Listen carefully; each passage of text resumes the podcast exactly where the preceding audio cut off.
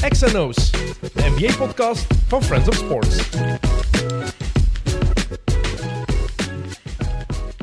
Dag iedereen, welkom bij XNO's en nog een heel gelukkig nieuwjaar. We zijn al een paar dagen ver, bijna een derde van januari is al voorbij, maar het mag nog. Het is de eerste XNO's van 2021, dus dat is nog toegelaten. Hopelijk heeft u de previews al geluisterd, want die zijn intussen al helemaal achterhaald. We zijn al drie weken ver in het NBA-seizoen. Er is al heel veel gebeurd, veel geblesseerden, veel uh, positieve gevallen, um, verrassingen overal. Daar gaan we het straks onder andere ook over hebben. Maar wij zijn wel echt helemaal terug om 2021 goed te beginnen. Deze week krijgt u twee afleveringen van XNO's. Dus dat ziet er goed uit. En mijn eerste gast van vandaag is een van de grootste Belgische talenten die er rondloopt op dit moment. Frans Blijenberg. Goedemiddag. Het is zondag als we dit opnemen. Even duidelijk maken voor de mensen die dit op maandag beluisteren. Zondagmiddag. Um, je bent een van de grootste Belgische talenten, zeg ik. Wat denk je als ik dat zeg? Ja, ik heb dat altijd wel in mijn jeugd al uh, meegekregen. Maar ik probeer altijd mijn voeten op de grond te houden. Ook al blijkt het soms niet op een veld, hoe dat ik me voorstel. Maar uh, ik probeer zo, zo, mogelijk, zo min mogelijk mijn ego uh, naar buiten te brengen. Maar ook al lijkt het niet zo op een veld, dat is heel belangrijk, vind ik. Mensen zijn op het veld anders dan naast het veld. En dat is correct. Het is, ik denk dat heel veel mensen dat niet los van elkaar kunnen zien. Die denken, ja, hij doet zoals bijvoorbeeld een Russell Westbrook. Mhm. Die is zo op het veld, dat zal ook wel een eikel zijn. Ja, ja wel, ik zeg het ook zo. Ook bijvoorbeeld iemand als Jason Tate. Op het veld is hij echt een... Uh, een hustler, die, die laat zijn eigen zien. En op, naast het veld is dat echt iemand die uh, heel, heel vriendelijk is en die zal u altijd helpen, ook al nu naar de NBA gaat. Die zal altijd even vriendelijk blijven mm. tegen mij. En dan heb ik ook zoiets van, op het veld wil ik er staan, maar naast het veld ben ik wel een sober gast. Ik kom met iedereen overeen. En ik krijg ook wel vaak, als ik iemand tegenkom, die zegt echt van, maar ik had niet zo verwacht. Ik had je niet zo, zo vriendelijk en zo sober verwacht. Mhm. Ja, en soms heb je het ook nodig om een beetje cocky te zijn op het veld. Tenminste, mhm. ja. je moet ergens ook overtuigd zijn van het feit dat je de beste bent als je op het veld staat. Ik, ik weet niet of jij dat hebt, maar dat helpt toch gewoon om je nog beter te voelen? Ja, een beetje confidence hebben. Hè. Confidence is belangrijk in basketbal en uh, dat moeten ze zeker op het plein hebben. Mhm. En ik vind het jammer dat sommige mensen dat dan niet los van elkaar kunnen zien. Want hoeveel keer heb jij wel eens met iemand echt amras gehad op het veld, ruzie gehad, en dat je denkt van oké, we kunnen hier beginnen duwen, maar dan, is, dan wordt er afgefloten, dan is het op elkaar schattikken en, en, verder gaan. Ja, inderdaad, dat is, dat is correct. Hè. Um, een van de grootste talenten in België. Ben je het daar zelf eigenlijk mee eens? Uh, er zijn nog heel veel andere talenten. Haris, Niels, nog veel. Ik kan er honderden opnoemen. Maar ik denk dat ik er ook wel bij hoor. En ik denk dat dat wel gezegd mag worden. Maar ik moet altijd voetjes op de grond houden, hard blijven werken voor mijn goals. Mhm. En uh, ik denk dat dat het belangrijkste is. Als jij jezelf moet omschrijven als basketbalspeler, hoe zou je dat doen? Oef, dat is een moeilijke. Dat is een moeilijke, ik weet het. Als speler bedoelde? Mm um, ik denk dat ik wel heel getalenteerd ben en ik denk dat ik wel ver kan geraken. Het hangt ook allemaal af van mijn work ethic. Ethic. Um, maar... Uh, ja, ik denk wel dat ik voor het hoogste ga proberen te streven. Is er iemand waar jij je eigenlijk aan gespiegeld hebt? Nee, ik heb eigenlijk, mm, nee, ik heb eigenlijk nooit gedaan. Want ik, wou altijd mezelf zijn. Mhm. Ik wil een uh, eigen kenmerk hebben. Ik heb nooit gezegd van, ah, zo wil ik worden of zo wil ik trainen. Maar je neemt wel automatisch toch wat dingen over van bepaalde spelers waar je naar kijkt. Ik heb bijvoorbeeld gehoord dat jij een gigantische LeBron James-fan was toen je opgroeide. Correct, kan toch niet dat je daar geen dingen van hebt Nee, eigenlijk... Ik, ik ben een LeBron James fan, maar ik vind KD beter. is het echt? Ja, eh, bijvoorbeeld, ik, ik zou veel liever KD zijn dan... En toch ben ik een LeBron James fan. Maar, ik zie, maar dat zie ik ook in, ook in je manier van spelen eigenlijk, dat je liever KD zou zijn. Ja, misschien ja. Ook omdat LeBron meer een fysiek heeft, uh, speler in zijn uh, KD meer uh, fundamentals. Maar toch, ja, ik vind een KD echt unstoppable spelen. Dat is ongelooflijk. En helpt het ook omdat je qua fysiek meer gemeen hebt met Kevin Durant dan met LeBron James? Want je zegt zelfs, LeBron was op zijn negentiende al een monster. Ja, voilà, voilà. KD is nog altijd skinny, skinny, as hell. Ja, skinny. Ja. Dat is ook altijd een probleem bij mij geweest. Ik ben altijd skinny, skinny jasje. Ook al train ik veel. Allee, het is al wel wat beter geworden. Maar uh, ja, ik ben, ik ben een blijvende skinny persoon. Hè. Gaat dat een probleem zijn voor jou, denk je? Want ik weet toen Kevin Durant gedraft werd, dat is al 14 jaar geleden intussen. Um, toen kon hij het minste van alle prospects benchen. En dat ah. was toen een, heel, een hele zaak van...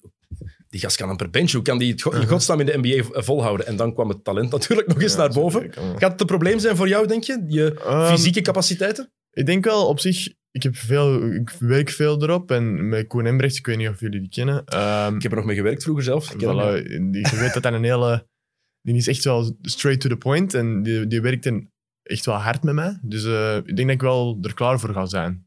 Kan jij Koen aan? Want Koen is iemand die Koen Embrechts kent. Dat is de, de physical coach van de Antwerp Giants ook. Uh, werkte vroeger bij de kinezaak van Pat Virou. Ja. Um, en de Slachthuislaan in Antwerpen.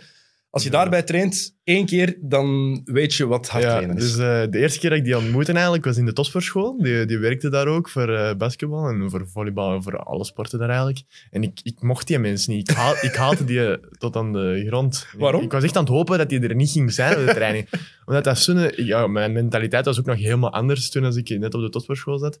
En ik hoopte echt dat die er niet ging zijn elke ochtend.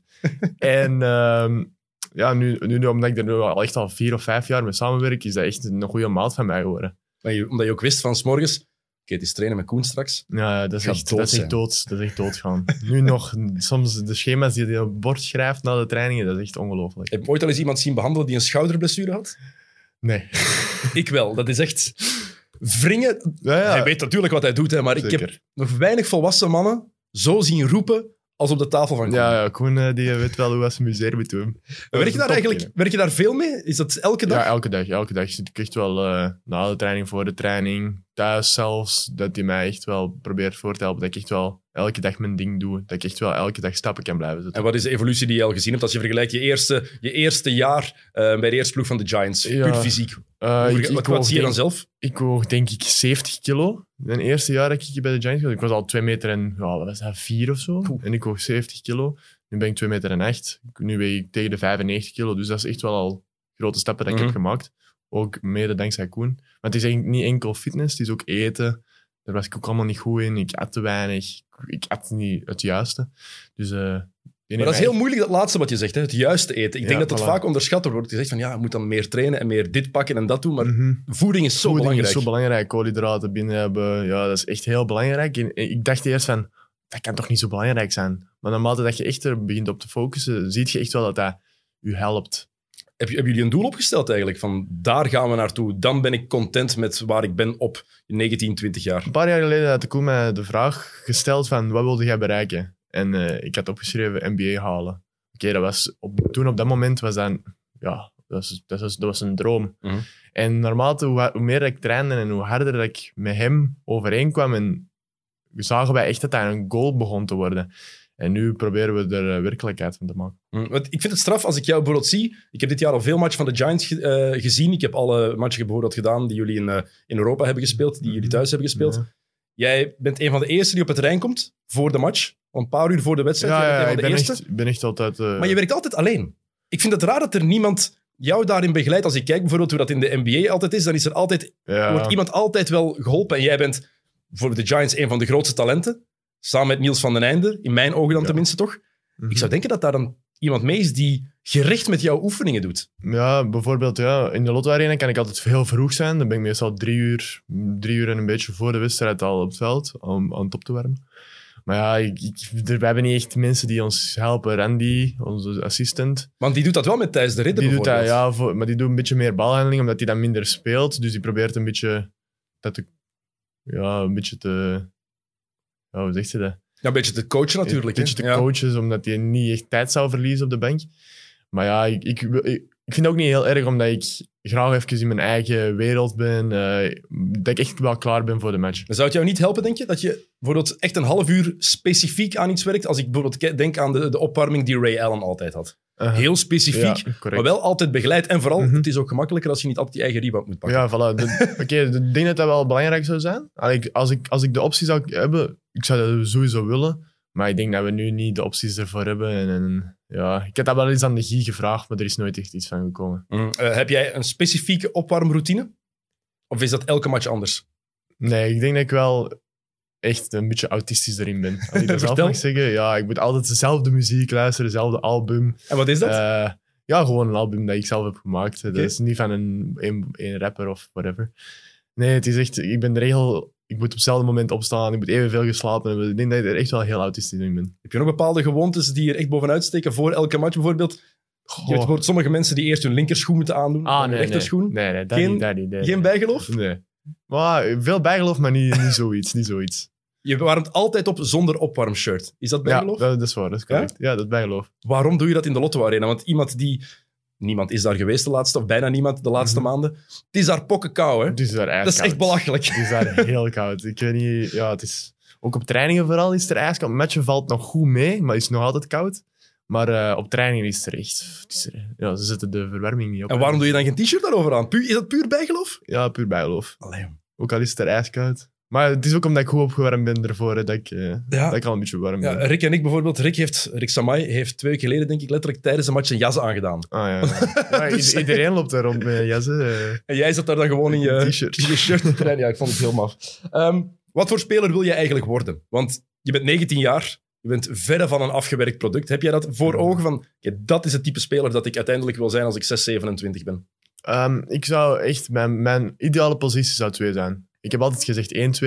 En ik heb altijd gezegd puur omdat ik... Als ik op de 1 kan spelen, heb ik de balhandeling en ben ik klaar voor alles om op de 2 te spelen.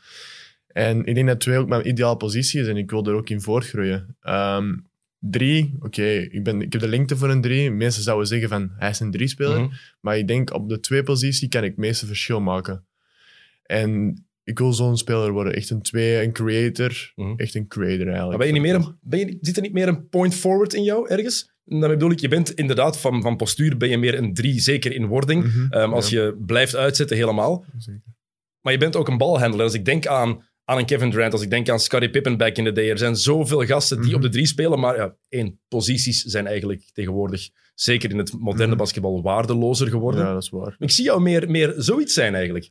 Ja, dat kan wel kloppen. Maar als ik bijvoorbeeld met bijvoorbeeld een Vincent speel, die is meer on the catch, shooting, eh, backdoor cuts, daar speel ik dan wel graag mee. En dat is dan puur een drie-speler. Maar dat is het, de traditionele Europese drie-speler meer misschien. Ja, dat kan ook wel. Ja, Ik denk als je kijkt naar hoe het in, ik- in de Euroleague bijvoorbeeld is, en zeker in de NBA, Mhm, ja dat is Dan- waar. Dat is, die kan je dat- amper is vergelijken, anders, Dat is iets anders. Ja, dat Maar- kun je niet vergelijken. maar dat is wel je doel. Dus Ja, daar- doel.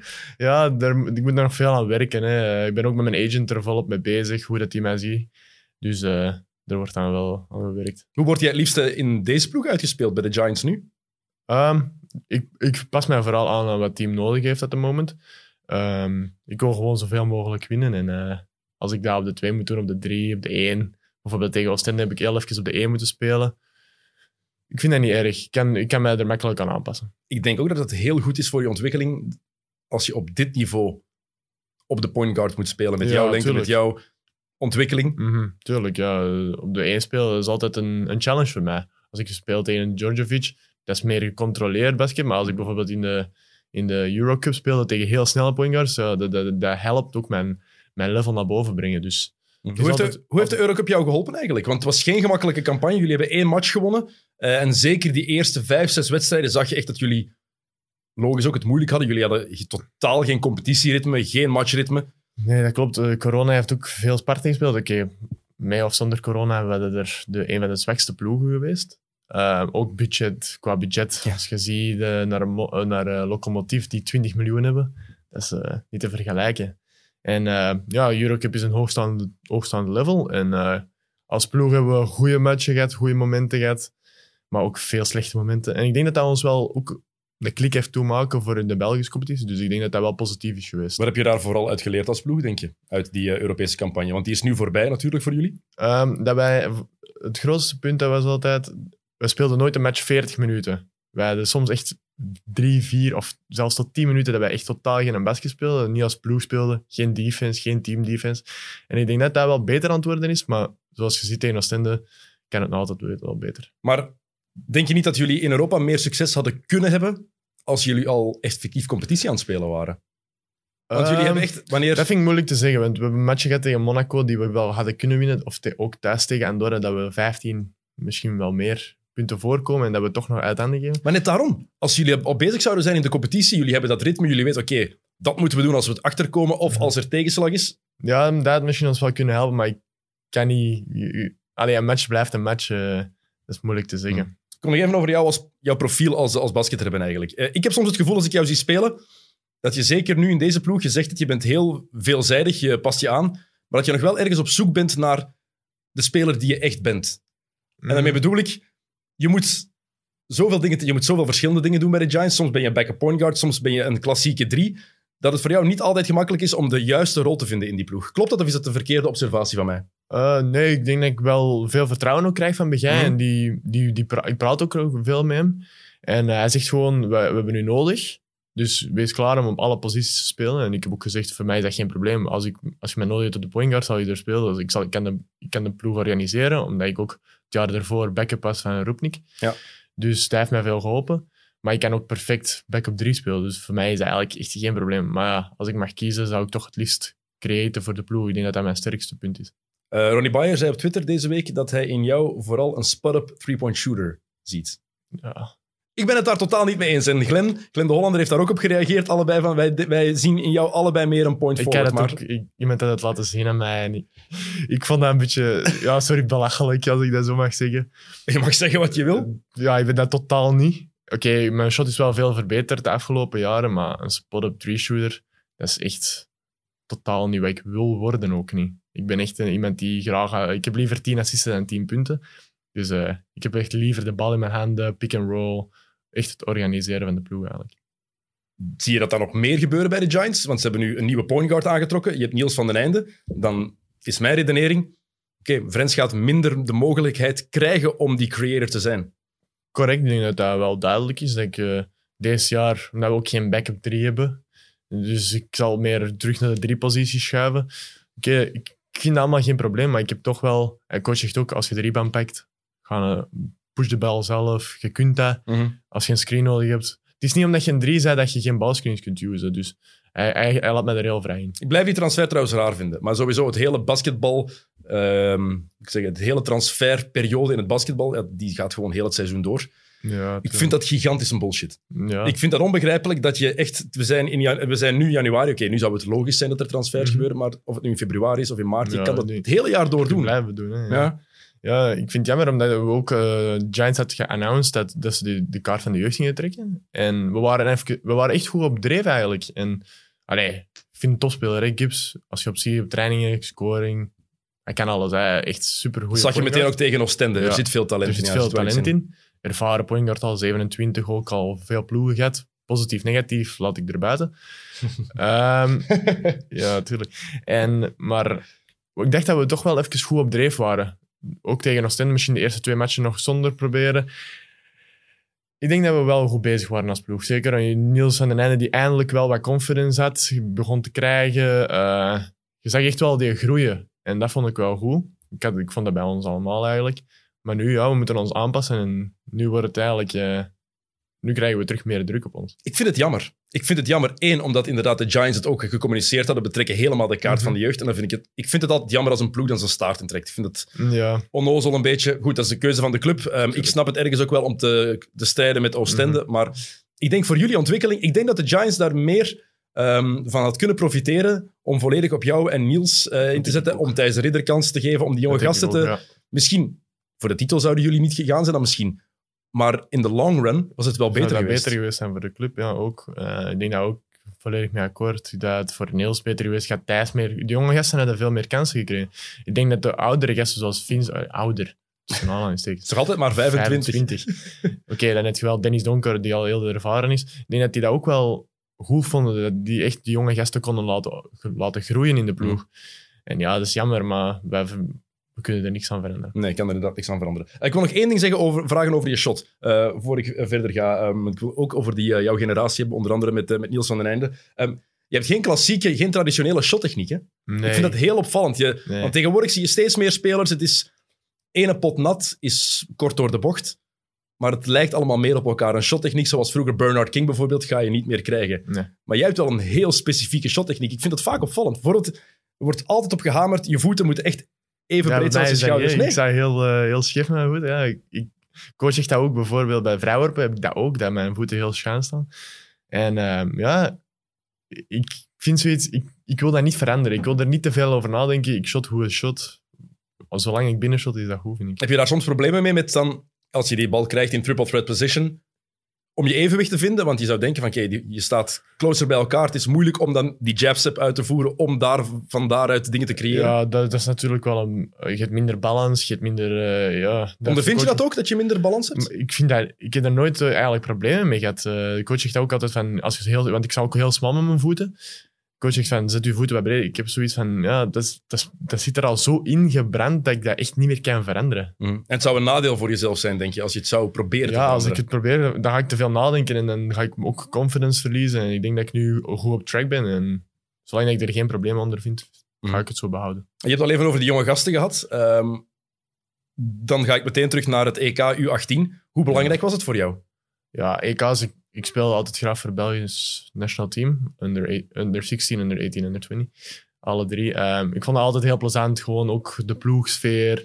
Ook al was ik wel de, de, de, de, go-to guy, Mhm. vond ik wel dat wij heel goede spelers hadden. Zoals een Sam Hofman, zoals een Niels eh, de Ridder, Niels van den Einde. We hadden echt, Noé Botuli, we hadden echt wel veel getalenteerde spelers. En dat vond ik een sterk aan onze ploeg. Aan ons jaar eigenlijk. En voor jou persoonlijk? Want het is ook een beetje... Is dat het moment geweest waarop jij zelf besefte van oké, ik kan nog een niveautje hoger? Ja, dat denk ik wel. Ik denk dat eh, de nationale teams mij wel heel veel, hebben, heel veel confidence eigenlijk hebben gegeven. Ik denk dat dat het veel, heel belangrijker was. Ik kreeg heel veel de bal in mijn handen.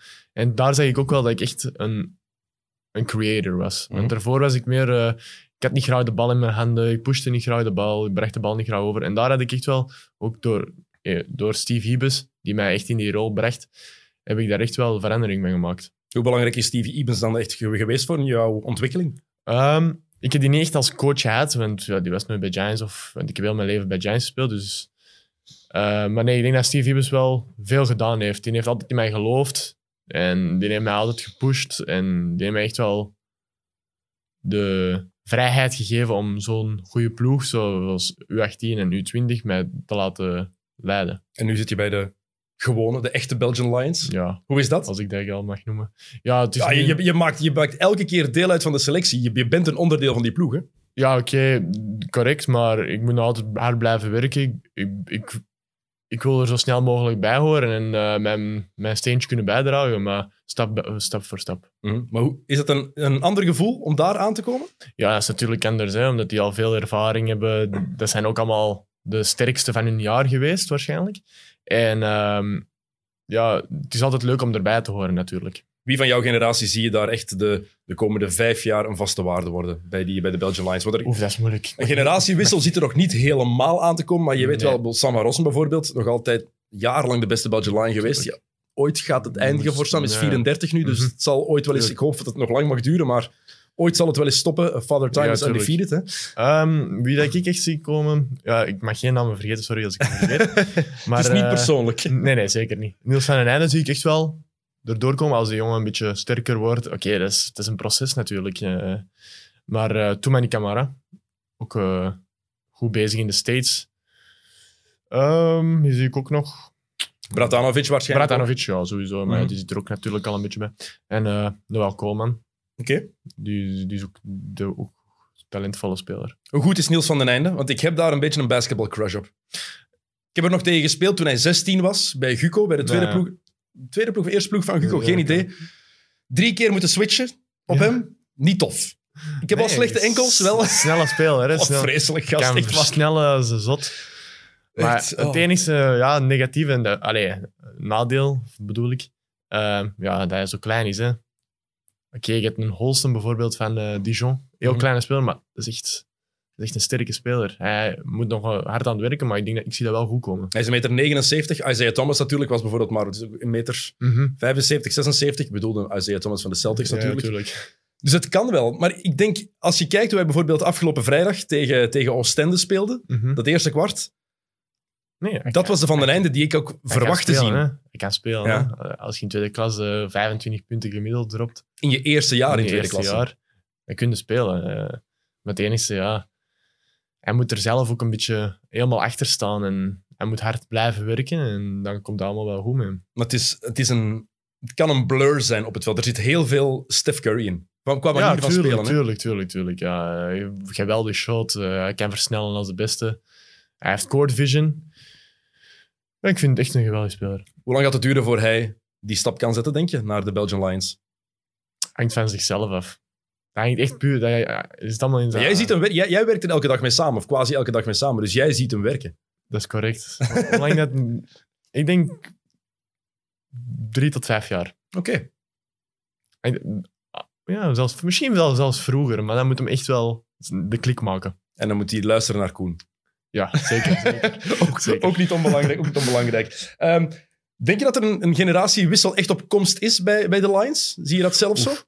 Ik zie dat er nog wel vrij veel jonge spelers ook nog zijn, zoals Hans ook nog maar 25, Retin, ik weet niet precies waar. We vergeten dat soms, hè, dat Hans en, en Vincent Kesteloot en Ja, die- draaien al zo lang mee dat je eigenlijk denkt dat die al echt zo oud zijn, maar eigenlijk zijn die nog vrij jong. Hè? Ja.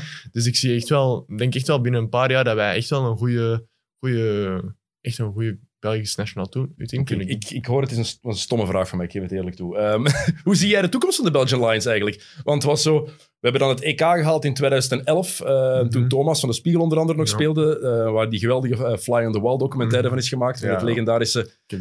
Eddie Kasteels tegen, Ja, tegen toen was ik nog wel heel jong. hè. een ja, dat is, dat is tien jaar geleden intussen al. Maar het is wel veranderd intussen. Van toen waren er maar 16 ploegen op het EK. Nu zijn dat er 24 geworden. Wat, denk jij, wat vind jij het doel van de Belgian Lions? Wat moet dat zijn? Is dat top 10 in Europa? Is dat goed genoeg? Nee, ik wil altijd voor hoger streven. Ook eh, tegen, tegen ons zeiden ze van, eh, met de, ja, oké, dat is natuurlijk wel jeugd, Belgische nationale teams, zeiden ze altijd top 8. Ik zei van, nee, ik wil een medaille. Mhm. Oké, ik heb twee keer kunnen halen met de ploeg. Dus ik denk dat dat een, een doel gaat blijven. Ik wil zo hoog mogelijk eh, België op de ranklist krijgen. En dat zal altijd een doel zijn. En dan zijn er, natu- zijn er natuurlijk ook nog de Belgian Cats, die ongetwijfeld voor motivatie moeten zorgen voor. Jullie zien die... Ja, wij, wij zijn altijd eh degene die achterblijven. Maar, het, maar het, is, het is logisch dat daar nou naar, natuurlijk altijd vergeleken wordt. Hè. Die Ja. gaan naar de Olympische Spelen, eh, doen het ongelooflijk goed op WK, pakken een medaille op het EK.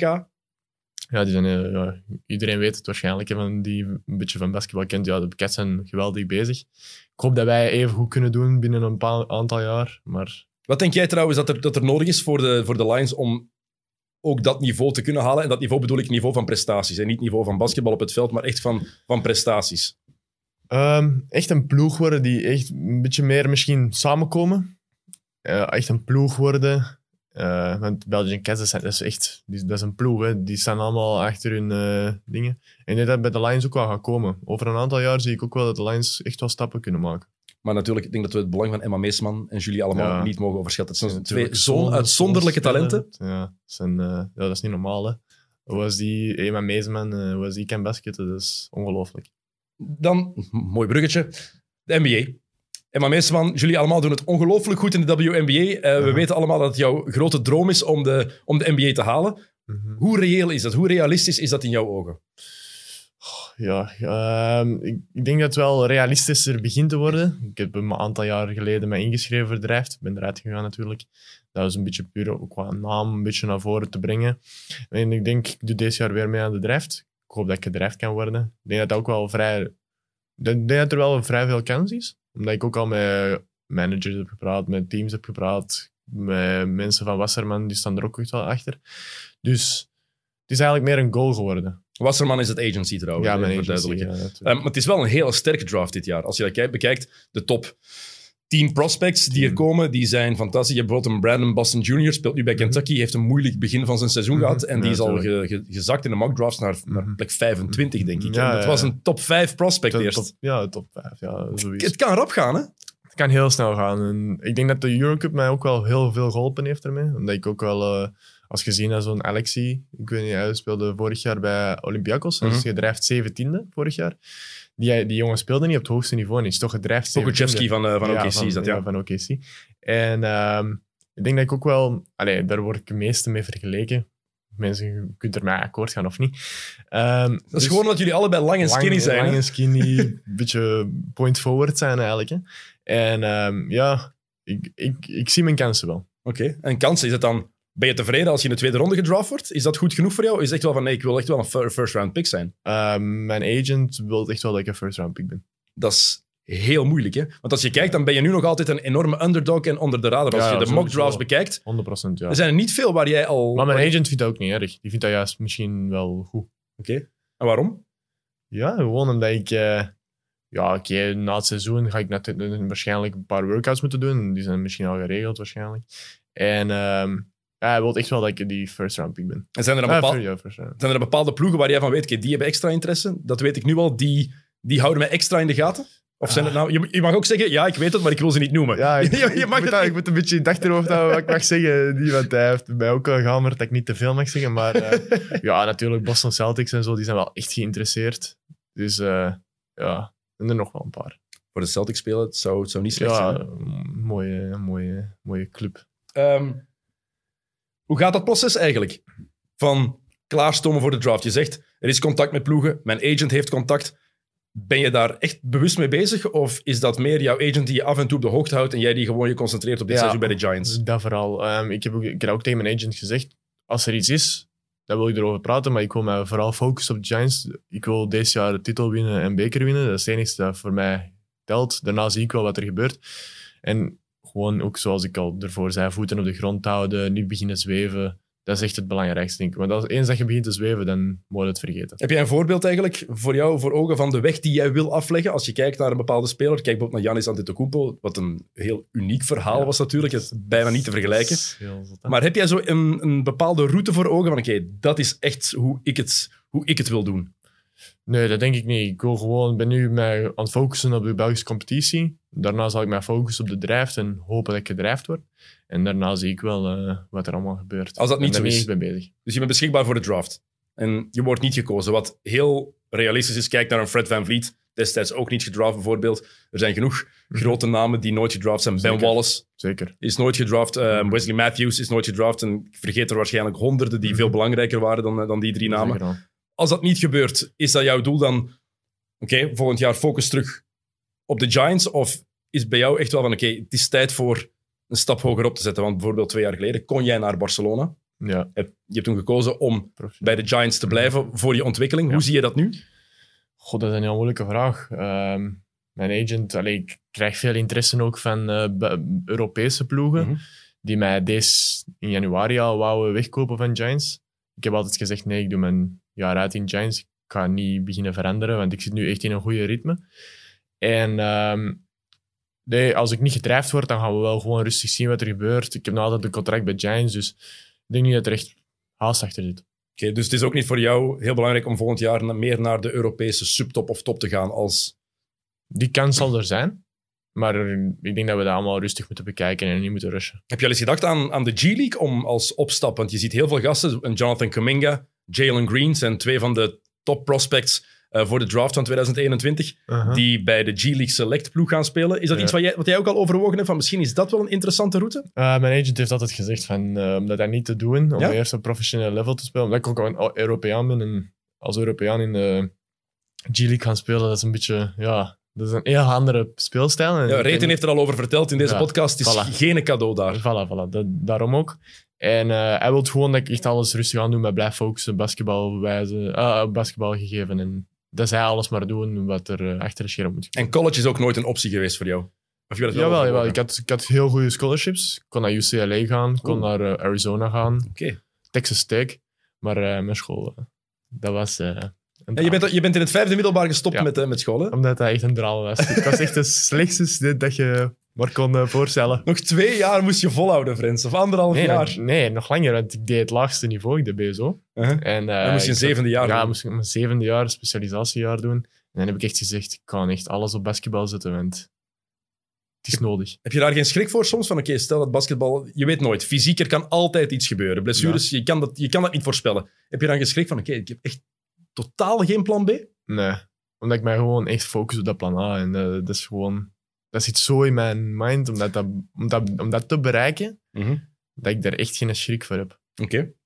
Je hebt daar nooit overwogen om toch nog in Nee. middenjury of zo dat toch nog dat diploma te halen? Nee, omdat ik echt alles op basket zet. En echt ja. niks in de weg wil Dat laten. wel de kans kunnen geven natuurlijk om naar college te gaan eventueel. Ik weet, de meningen zijn daarover verdeeld. Sommige mensen vinden dat geen goede tussenstap. Ik weet bijvoorbeeld. Jurik van Elite Athletes is daar heel grote voorstander van. Ik weet, Ah, Thomas van de Spiegel is daar niet zo voor.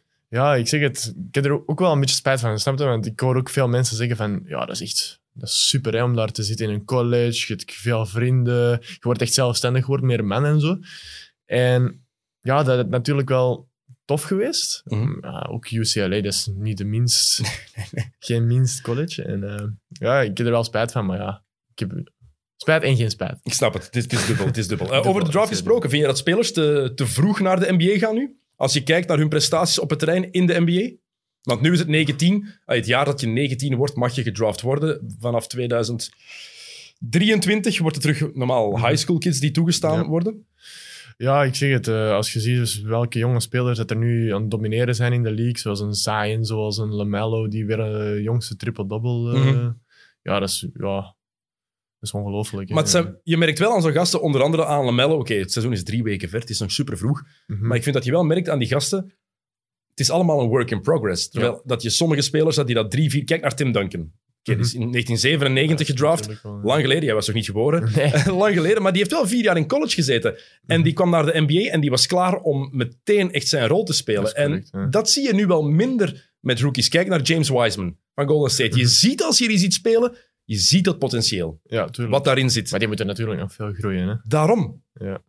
Ik weet het, het, is, je, je kan, het risico is te groot voor op een blessure. Ze, verdienen, ze willen hun geld verdienen, ik begrijp Ja. het allemaal. Maar als je puur naar het basketbal kijkt, gaan ze dan niet te vroeg naar de league?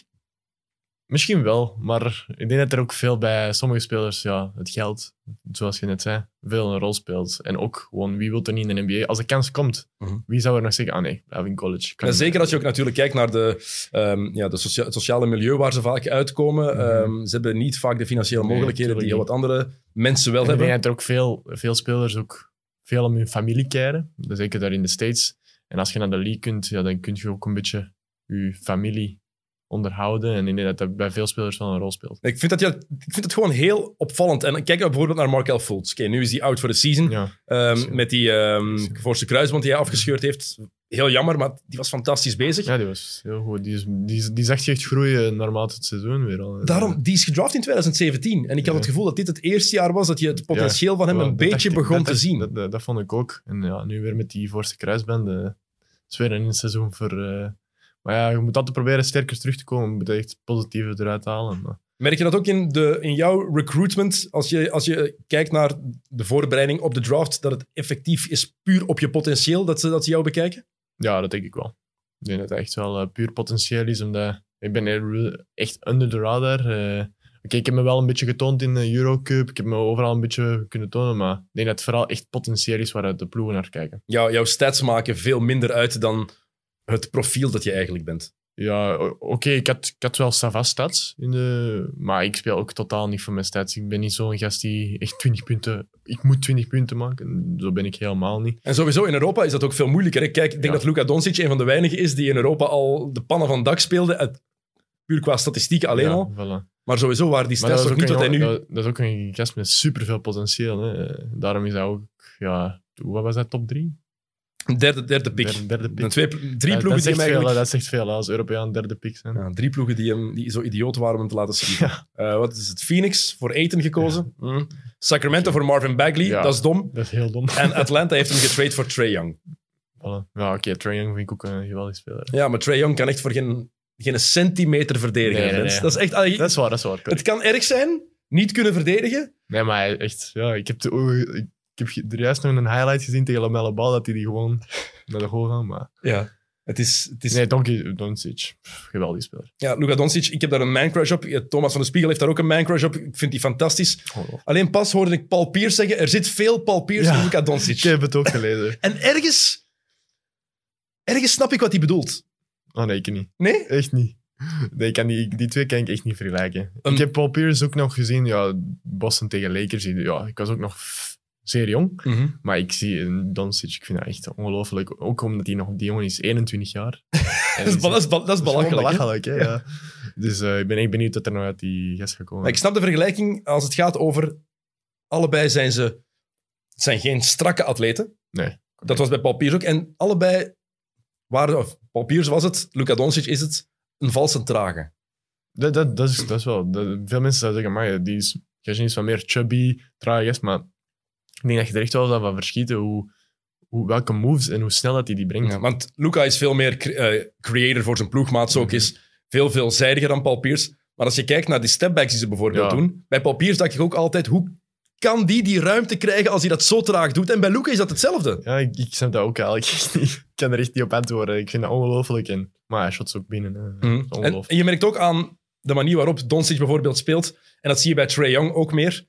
Nu drie jaar in de league. En ze zijn zoveel meer ervaren geworden. Ja. Zoveel meer die kleine Die tricks. zijn nog zo jong en die lijken al zo ervaren. Hè. Luka Doncic, 21 jaar en al zo'n fo- floor leader. Dat is ongelooflijk. Het helpt natuurlijk wel als je vanaf je zestiende... ehm bij Real Madrid. bij Real, niet, niet bij de Antwerp Giants, met alle respect. Eh, ja, ja, Maar bij de eerste ploeg van Real Madrid. Ja, dat is ongelooflijk. Eh, ik, ik be- bekijk de, de, de highlights van eh, Luka Doncic echt dagelijks. Hoe dat die jongen MVP van de Euroleague wordt. Dat is, dat is crazy, hè. En op zijn achttiende het EK wint. Ja. Eh, is, is dat... Maar dat is gewoon crazy, hè. Ik denk, je kunt, dat kunnen met niemand vergelijken, hè. Ik denk niet dat er iemand is die op dat Nee. niveau al denk dat ook. zoiets gedaan heeft in Europa. Eh, Kijk naar de, wie zijn de beste Europeanen. Pau Gasol was ook goed bij Barcelona. Ja. Niet wat Luka Doncic nu, nu allemaal Mm, doet. nee, Eh, Dirk Nowitzki speelde in, in tweede klasse. Ja. Janis Antetokounmpo speelde in tweede klasse. Ja. Het is... Ik zeg het, ja. dat is ongelooflijk wat die, wat die jongen doet. Heb jij een favoriete speler eigenlijk nu in de NBA? Buiten LeBron James? Want ik veronderstel dat dat Ja, altijd... wel. Doncic, ik vind echt... eh, dat, is, dat is gewoon magisch zoals die jongen is. Eh, Ik zie die echt super graag spelen. Wie heb ik nog? Wie zie ik ook nog graag spelen? Ingram vind ik ook een, een grave speler. Hij heeft wel zijn ups en zijn downs, maar ik vind dat echt een grave speler. Helpt dat ook omdat Ingram ook een beetje jouw lichaamstype is? Ja, nu dat je erover spreekt. Ja, kan wel. Want iedereen, noemt, iedereen vergeleek Ingram altijd met Kevin Durant, puur en alleen omdat hij ook lang en smal is. Ja, ja, nu dat je het wel zegt, ja. Ja, misschien wel. Misschien is dat daarom ook dat ik die ook wel een beetje een grave speler vind. Hou je, dan, hou je dat soort spelers ook extra in de gaten? Of bekijk, durf je daar soms wat meer op Meer letten? aandacht, ja. Ja. Wel, om, om gewoon ook om, als ik iets zie, misschien te eiden in je, in je eigen speelstijl. En je weet nooit, hè, misschien als je, als je dat veel bekijkt, dat je dat zelf begint te doen. En dat zijn toch spelers die al even in de league spelen. Ik vind het wel opvallend bij Ingram, Most Improved Player vorig jaar, hoe die overstap van de big market van LA naar Ja. New Orleans, een kleinere markt, zeker Ja. in NBA-termen, Mhm. hoe dat hem toch wel geholpen heeft. Ja, veel meer confidence. Hè. Ik denk, als je voor zo'n van zo'n franchise naar zo'n naar een, naar een andere franchise gaat, dat dat toch wel... Maar ja, hij, werd- ook meer een keyspeler in die ploeg. En ik denk dat dat voor hem veel geholpen heeft. Het is ook nog eens een bewijs hoe belangrijk het is om door de juiste ploeg gedraft te worden. Ja, Want één, de Lakers, je moet, je moet het aankunnen daar. Ja, als je door de Lakers wordt gedreven, dan krijg je waarschijnlijk al direct een, eh, ja, een pressure. Dat je echt wel klaar moet zijn. En dat is een ploeg die altijd voor... eh, Oké, die hebben nu mindere jaren gehad natuurlijk, maar nu staan ze terug in de top of the league. Mhm. Ja, ik vind het wel... Ingram bijvoorbeeld, ik was altijd van overtuigd, wat Jalen Rose vaak zegt, um, he's okay, but he's not real. En ik dacht effectief dat dat bij Ingram ook het geval is. Een goede speler. Kan, Ja. Natuurlijk, NBA-speler. Nummer twee pick. Maar ik vond het geen number two overall pick waard als ik hem zag spelen. En dan zie je nu nog eens... En, van, en dat was nog eens het bewijs dat ik die fout zelf ook maak, want die fout die heel veel mensen maken. We schrijven spelers veel te snel af. Veel te snel. Ja, dus bij veel, ik vind dat bij veel, als ik zo op Twitter, ik zit niet veel op Twitter, maar als ik zo soms dingen zie, dan denk ik echt. Want Twitter is gevaarlijk, hè? Wat schrijven sommige mensen toch allemaal op Twitter? Maar ja, ik kan me er een beetje. Wees blij dat je alleen naar sport-Twitter kijkt. Ja, Politieke opmerkingen op Ja, Twitter is- zijn er nog... dat zal er nog wel eh erger over toe gaan. dat is echt nog, nog meer next Ja, level. Ehm, heb je bepaalde ploegen eigenlijk waar jij, waar jij het liefst naar kijkt? Of heb jij een lievelingsploeg? Want jouw generatie, dat is echt een verschil. Kijk, ik was een gigantische Bulls, maar ik ben door Jordan, maar ik ben daarna wel fan gebleven. ja. Door de job wordt dat minder. Maar jouw generatie, om niet te veralgemenen, maar je ziet veel meer, ja, jullie volgen spelers. Dat is wel waar. Ik zie ook al veel spelers, als ik vraag aan, eh aan maten, van, wat is uw lievelingsploeg? New York. En ik weet zoiets van, New York? Jouw generatie. Pff, New York? Dat zegt mij niks. Carmelo Anthony, ja. Maar voor de rest? Nee, ik ben echt meer Lakers, omdat ik echt opgegroeid ben eh, met ja, Lakers tegen Boston. Met dat was Kobe. altijd playoffs. Dat was Mhm. altijd graag. Dirk Fisher ook. Ik vond echt... Dat was geweldig, hè. Dat was- zo groeide ik op. Dus ik ben altijd wel Laker geweest. Maar ik volgde natuurlijk LeBron James. En toen, als de mindere jaren van de Lakers, was ik eerst met Miami, Cleveland en dan Ja. terug nu Lakers. Dus is Hoe, altijd- teleur- hoe teleurgesteld was je dat, dat je die finals eigenlijk nooit hebt gezien? Want ik, jij bent van 2001, hè? Nee, ik ben 2000. Van 2000. Dus toen 2000. jij was dan negen jaar toen eigenlijk de finals er hadden moeten zijn. Aha. LeBron tegen Kobe. Ja. Maar ja. Ze zeggen zelf allebei, ah, zij, Kobe zei dat en LeBron zegt dat nog altijd van my bad, ik had er moeten staan toen. Pijnlijk, hè? Ja, pijnlijk. Eén woord pijnlijk. Ja, dat is- was zo mooi geweest, die twee tegen elkaar. Ja, dat had je willen zien toch dat gewoon. ongelooflijk, ja. Ik denk dat dat een- tot de dag van vandaag nog bekeken Mm. had geweest. Ik vind het wel straf, je zegt Lakers en de tweede naam die je zegt is Derek Fisher. Ja, Dat Dirk, vind ik heel onverwacht. dat zit echt in mijn, in mijn mind. eh, ja, je hebt er nog, hè. Odom.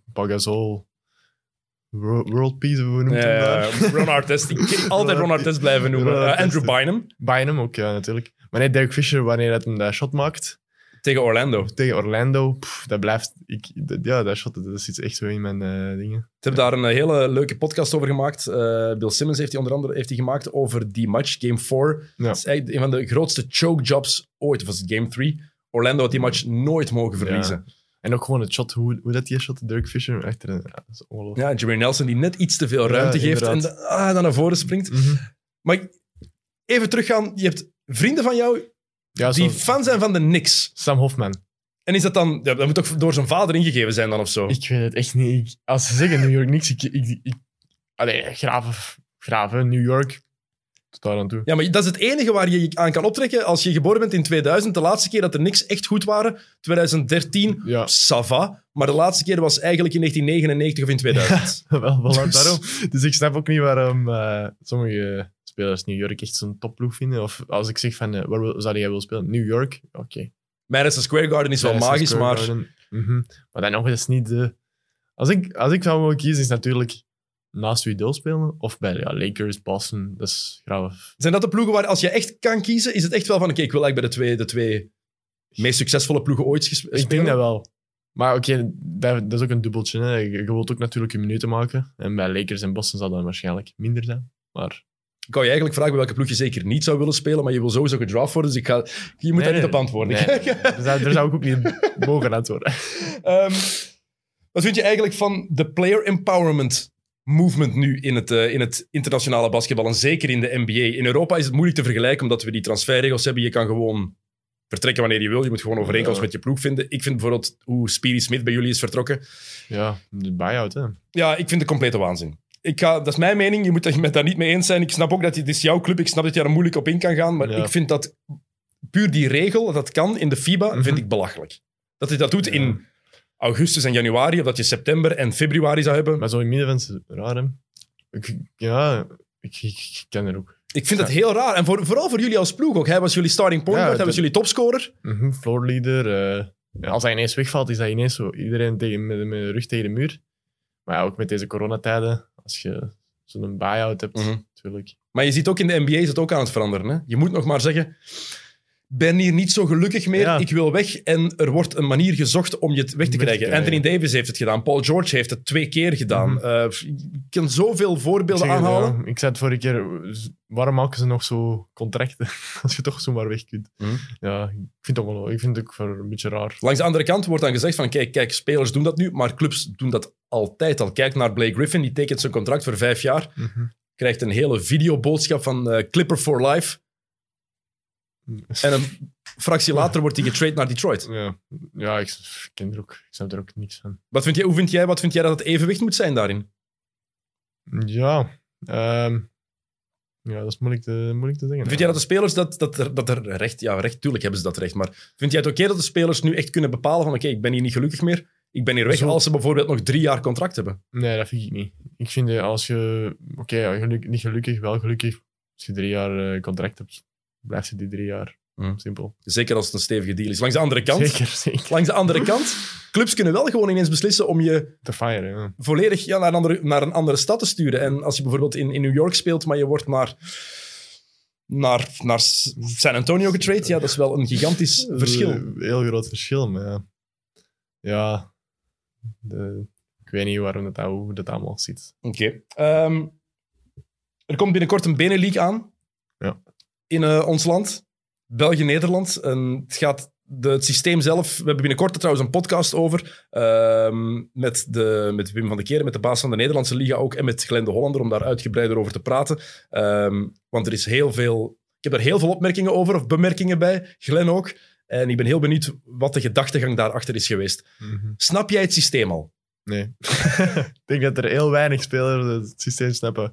Toen als het systeem uitgebracht kwam, en wij zaten in de kleedkamer de, de dag daarna, we waren echt aan elkaar aan het vragen van, hoe zit dat nu? En niet, letterlijk niemand zei van, ah, zo gebeurt het.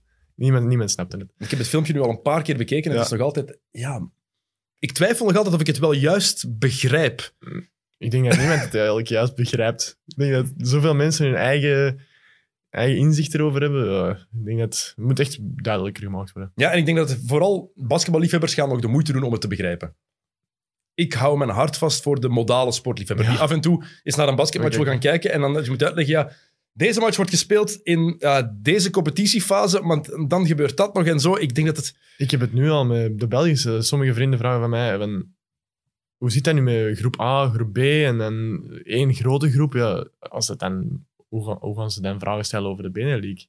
En iedereen vindt, als je kijkt naar het voetbal, play-off 1, play-off 2, vond iedereen daar al ingewikkeld. Ja. Dat is een pak minder ingewikkeld dan wat we met de Beneliga krijgen. En dat, daar heb ik een beetje mijn, mijn... Maak ik me toch een beetje zorgen over. Ja, ik ook. Maar zie je het zitten om tegen Nederlandse ploegen te spelen? Vind je dat een, een verrijking voor de competitie? Ja, Belgische competitie is natuurlijk. Oké, het is niet de sterkste league in eh, Europa natuurlijk, maar ik denk dat Nederland er nog, nog onder zit. Dus, maar ik denk wel dat het goed gaat zijn voor jonge gasten om erin eh, te groeien, om jonge gasten te begeleiden in zo'n dingen, in zo'n ploegen en in zo'n league. Dus ik zie wel het positieve er ook wel in voor de jongere gasten, om de jongere generatie naar boven te brengen, om die kansen te geven, om te groeien. Maar daarnaast vind ik wel level, het level gaat wel dalen, denk ik. Oké. Eh, ik wil nog even over de NBA met jou hebben, voor ik je ga laten gaan. Ehm, het is het vreemdste seizoen ooit in de NBA. Ja, Het is... het is ongelooflijk. Ik kan er echt niet aan uit wat er nu aan het gebeuren is soms. Er zijn ploegen die je totaal niet aan niet verwacht, die het goed zouden doen. Kijk naar een Cleveland. OKC doet het nog oké. Ja. En heb je ploegen die op geen hol trekken, waar je toch wel meer van had verwacht. Mhm. Ehm, het is een heel raar seizoen. Hè? ja, maar dat is voor jullie natuurlijk ook zo, hè? Ja, dat is correct. Leven jullie niet constant in die, in die angst van, oké, het, het kan hier ineens helemaal veranderen. Als wij één besmetting hebben, kan alles echt compleet ja, op zijn Ja, kop het is gewoon raar. hè. Eh, Oké, we worden wel veel getest, maar ja, stel je, stel je komt met iemand in contact, corona, je zit twee weken uit. Hè. Je mist wedstrijden, de ploeg kan verliezen, je kunt belangrijke spelers missen. Wedstrijden worden uitgesteld naar, eh, ja, hoe lang gaan wij dan nog spelen? Spelen we tot de zomer door? Eh, hoe gaat dat? Het is nog een groot vraagteken. En in de NBA, ja, ik, wat, ik, wat ik zie, allemaal zie gebeuren, dat is allemaal... Een heel, het is een heel raar Maar kijk naar Philadelphia afgelopen nacht. Het is zondag eh, vandaag, eh, als we dit opnemen. Dus Philadelphia speelde vannacht, had zeven beschikbare spelers. Ja, ik Zeven. heb het. Ik snap, ik snap het niet. Ik Ja. zo, hoezo? Hoe kan dat niet? Twee geblesseerden, en Beat en Simmons. En dan al de rest Corona. coronaprotocol, niet, mogen, niet mogen meedoen. Dat is, eh, Ehm, Dat is ongelooflijk. en Ik ik, snap dat niet. Ik, ja. ik heb wel schrik dat het effectief niet, eh, niet af gaat geraken dit seizoen. Ik heb heel veel schrik voor ja, dat dit seizoen gewoon stopgezet gaat worden op een gegeven moment in de NBA. Ik hoop van niet, want ik hoop het echt van niet. Want dan eh, begint iedereen, dan, ja, dan wordt het weer uitgesteld en duurt het nog langer. En ja, het is gewoon raar dat er ook supporters in de zalen zitten. eh, In sommige zalen ineens 4000 en dan is- supporters of zo. Ja, en dan som, sommigen niet. En ja, het is een beetje. Ja, Ja, in, in Florida mag het, denk ik. En in Texas ook af en toe. Het Mhm. bepaalde staten, het is daar, het is daar heel Ja. vreemd. Ehm, de bubbel zou eigenlijk de beste oplossing zijn, Ja. maar je kan Maar natuurlijk... met zoveel ploegen in een bubbel.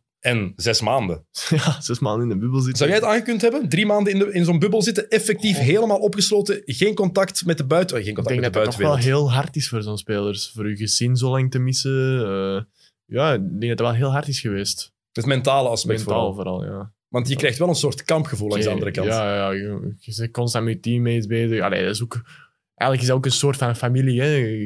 Dat is je job. eh, je moet dat doen, maar toch, mentaal is dat toch wel heel hard om niet naar buiten te kunnen. Mhm. Eh, wat is jou dit seizoen voorlopig al het hardste opgevallen in de NBA? Oeh. Is er iets dat er bovenuit steekt? Nee. Ik vond het wel heel hard, maar ik denk niet dat er iets... eh, Het contract van Rudy Gobert bijvoorbeeld? Ja, ongelooflijk. Met, met Shaquille O'Neal daar, ik heb het allemaal gelezen wel. Ja, ja. Maar je geeft dat Het dus is ongelooflijk hoeveel geld dat er rondgaat hè, daar in de NBA. Dus, Nu, Donovan, en nu, Utah, dat is niet echt de, de markt waar heel veel free agents naartoe willen gaan. Nee. Ehm, Donovan Mitchell en Gobert is heel duidelijk. Dat zijn hun 200 million dollar guys. Ik denk dan, tof voor die mannen. Maar ik denk wel dat je... Allee, Rudy Gobert, solid defensive. Maar ik denk voor zoveel geld dat er toch wel betere big guys rondlopen. Daar, daar ga je ook niet mee voor een titel strijden, denk ik. Met die, als, ik. Gobert, als ik zijn progressie zie... Oké, Shaq gaat, overdrijft erin. In Ja. zijn opmerkingen vind ik ergens. Maar er zit ook wel een grond van waarheid in. Iemand Mhm. die 11, 12 punten per match haalt. Oké, Gobert doet vooral dingen die je niet op de statsheet ziet. Mhm. Hele goede verdediger. Ja. Ehm, die, eh, wat is het? Ehm, assist screen, of screen Ja, assists, waar bij hem op gehamerd wordt, waar hij zo goed in is. Maar ja, Maar meer dan 200 miljoen die had 200 voor miljoen. vijf jaar? Ja, dat is, eh, dat is crazy. hè. Ik, dan, denk, dan kijk ik naar iemand als Thomas van de Spiegel. Dan denk ik, als die nu had gespeeld, had Amai. die nog meer geld kunnen verdienen. Nog meer geld kunnen verdienen. ja, dat is ik- waar. Ik vind het heel vreemd dat, dat zo'n gast zo'n contract krijgt. Dat Brandon. Ingram dat, dat krijgt, ça va. Donovan Mitchell begrijp ik ook. Jason Tatum begrijp ik helemaal. Ja, maar ja. ja, ik zeg het. Dat is, dat is waanzin, hè? Mhm. Zo'n contract voor zo'n speler. Maar ja, dat is een beslissing van Utah. Over, eh, over ehm, spelers die niet echt stats, ehm, niet echt indrukwekkende stats hebben gesproken. Draymond Green. Ja. Ben je voor of tegen? Nee, ik kan, die, ik kan die echt niet zien. Nee? Nee, ook omdat ik ja, ook altijd met LeBron James hè, in de clinch. Het zijn hele goede vrienden trouwens. Ja, ik weet het. Ik, ik, was vorige keer op eh, LeBron James zijn Instagram. Ik zie eh, vrienden met Draymond. Ik zeg, dat kan niet. ja, ja. Ja, ze zijn blijkbaar heel goede vrienden. eh, maar ik zie hem niet graag spelen. Dat is het mooiste Heel- bewijs. Heel nutte eh, topspeler. Hè. Je wilde zeker in je ploeg hebben, maar... Nog eens het mooiste bewijs eigenlijk die twee, dat alles wat op het veld gebeurt, op het veld blijft. Ja, voilà. Dat, dat vergeten heel veel mensen. Die trekken zich daar niks van aan. want inderdaad, inderdaad. alle LeBron James supporters haten Draymond Green. Ja. Dat zijn echt goede kameraden. ja, met hun wijn en whatever dat Uh-huh. ook allemaal is. ja. Ik, ik vraag het je ook omdat ehm, Stephen Curry is weer aan het laten zien dat hij de beste point guard in de NBA is. En zoveel haters en doubters. Ik ben altijd gigantische fan van Stephen Curry geweest, al Mhm. in zijn Davidson days. Die 62 punten die hij scoort tegen Portland. Draymond Green was daar zo belangrijk voor. Ja, eh, Eén punt Draymond Green. punt, Ja, maar Maar als je die zag spelen, uh-huh. alles in... de handoffs, kijken, inside, oh, ki- teruggaan voor een screen, Mhm. Naar binnen drive, oh, daar komt Steph komt aan, die handoff geven. Doordat Draymond Green op het terrein stond, was Stephen Curry in staat om die 62 punten te scoren. 100% akkoord. En daarvoor was Green er niet en dan zag je dat Curry zoveel meer moest doen. Zoeken en, ja, ik zeg het, sommige mensen focussen zich te veel op de stats. Ik denk als je echt naar een basketbalmatch ziet, dat je echt veel meer ziet dan er eigenlijk op de statsheets wordt weergegeven. Mm, En er wordt dan verwacht dat Curry gaat doen wat een Damian Lillard bijvoorbeeld doet, of wat Westbrook gedaan heeft bij OKC. Maar dat is een ander soort speler. Curry doet Mhm. veel meer weg van de bal. En dat is altijd zijn sterkte geweest, hoe hij kan blijven bewegen. Ja. Ik ben een LeBron-fan, maar ik zie Curry zo graag spelen. Is, ja, ik vind dat echt een, een hele grave speler. We hebben het al even over Kevin Durant gehad in het begin. Daar wil ik toch nog mee, eh, mee eindigen. Ehm, Kevin Durant is terug. Ja, Oké. Brooklyn is heel wisselvallig. Hij is nu oud met, door de, de coronamaatregelen. Maar Ja, een stoppable speler. Hè. Als je Kyrie en KD in je team hebt, ja. Die- op het veld wil je zeggen dan. Ja. Ja, ja. Kyrie, je weet, ik heb mijn twijfels daarbij hoe hij in de kleedkamer is. Ehm, ja, dan nog, maar ook zo'n grave speler. Alle twee clutch. Oké, ze hebben wel vorige keer goed gechoked. ja. Eerst Kyrie, dan KD. Vooral Ja. KD, dat was zijn jumper. Baseline, baseline drive, shotje, dat, dat, Midrange. Ja. dat is wat hij normaal scoort. wist, ja. Maar ik denk wel, die twee, dat die nog wel eh grave momenten kunnen laten zien. Ja. Achillespeesblessure, dat is een van de zwaarste blessures Ja. die er is. Maar hij is er toch wel eh, doorgekomen. Ja, maar het zegt ook veel over zijn profiel als speler. Mhm. Is een lange, smalle gast en Mhm. vooral de shot. Ja. Dat kan niemand stoppen. Hè? Nee. Ja, ook, omdat hij zo groot is. hè. Oké, de ene zegt dat hem 2 meter is, maar volgens mij is hij Nee, nee, nee. Thomas van de Spiegel heeft ernaast gestaan. Exact hetzelfde. 2-14. 214. Ja. 2-14. 214. voor, een- voor een small forward, ja. We hebben het ge- gewoon getest. We waren, wat- wanneer was het? 2017 waren we ehm, in San Francisco en in Cleveland Ah, voor de finals. En ja, je komt op het veld. hè, Dus Thomas, heeft even gecheckt. Kon je wel zien, dat is hetzelfde. Of ja, 2 meter 14. En ook zijn hoge release. Kun je- Is dat niet iets voor jou? Waar je, waarom je denkt, misschien dat shot toch een klein beetje aanpassen voor die hoge release? Want jouw release is redelijk laag. hè? Laag, laag, hè, ja. Maar ik heb geluk dat, mijn, dat ik nog zo groot ben, want oké, mijn release is laag. Maar als ik kleiner had geweest, dan had dat heel moeilijk geweest. Maar in de NBA is het natuurlijk, zou het een, als je effectief die stap wil zetten, zou het wel een extra voordeel zijn om, Om ook die hogere- hoge release te hebben. Ja, daar ben ik volledig mee akkoord. Ook in midrange pull-ups. Ik denk dat dat ook mijn eh, ding is waar ik nog het meest aan moet werken, om dat bij mijn eh, profiel toe te voegen. Dus eh, ja, dat is wel waar. Hogere release, hoe hoger beter. Oké, nu niet overdrijven. Maar zie je, zie je jezelf dat nog aanpassen? Denk het wel. Denk het wel. Eens dat ik, eh, ja, ik probeer nu gewoon echt op de meest belangrijke punten te focussen. Maar ik Mhm. denk wel, als ik er echt tijd voor ga hebben en als ik ergens zit waar ik tijd heb, dat je, dat je wel kan, nog kan aanpassen. Oké, ehm, laatste vraag. Binnen vijf jaar, waar zit Frans Blijenberg? Oh, maar ik hoop in de NBA. Oké. Maar zo niet. Oh, Euroleague. Voor minder doe je het niet. Nee. Oké, goed. We zullen eh, binnen vijf jaar nog eens afspreken. Frans Blijenberg, dikke merci. Ik bedank u voor het eh, luisteren, dames en heren. Denk eraan, de andere podcasts van Friends of Sports zijn er ook nog. Moet even naar Jonas kijken welke er allemaal zijn. Mit Mit is nog altijd op vakantie, denk ik. Mit, Mit is op vakantie. eh, Kick and Rush met, Kick die- and Rush. met Jelle, Leroy en Tim is er nog altijd. Ik denk niet dat het met Jacob is als backup. Een grote fan van Jacob trouwens hier. Ehm, en Valsplat, komen die al terug? Bijna. Bijna. Vastplat, de wielerpodcast komt ook bijna terug. Dus ehm, Kick and Rush en XNO's. En donderdag nemen wij een nieuwe XNO's op. Die zal dan vrijdag normaal gezien online komen. Ehm, en het wordt lachen donderdag. Dat kan ik wel verzekeren. Goed, bedankt voor het luisteren. Tot de volgende keer. Salut.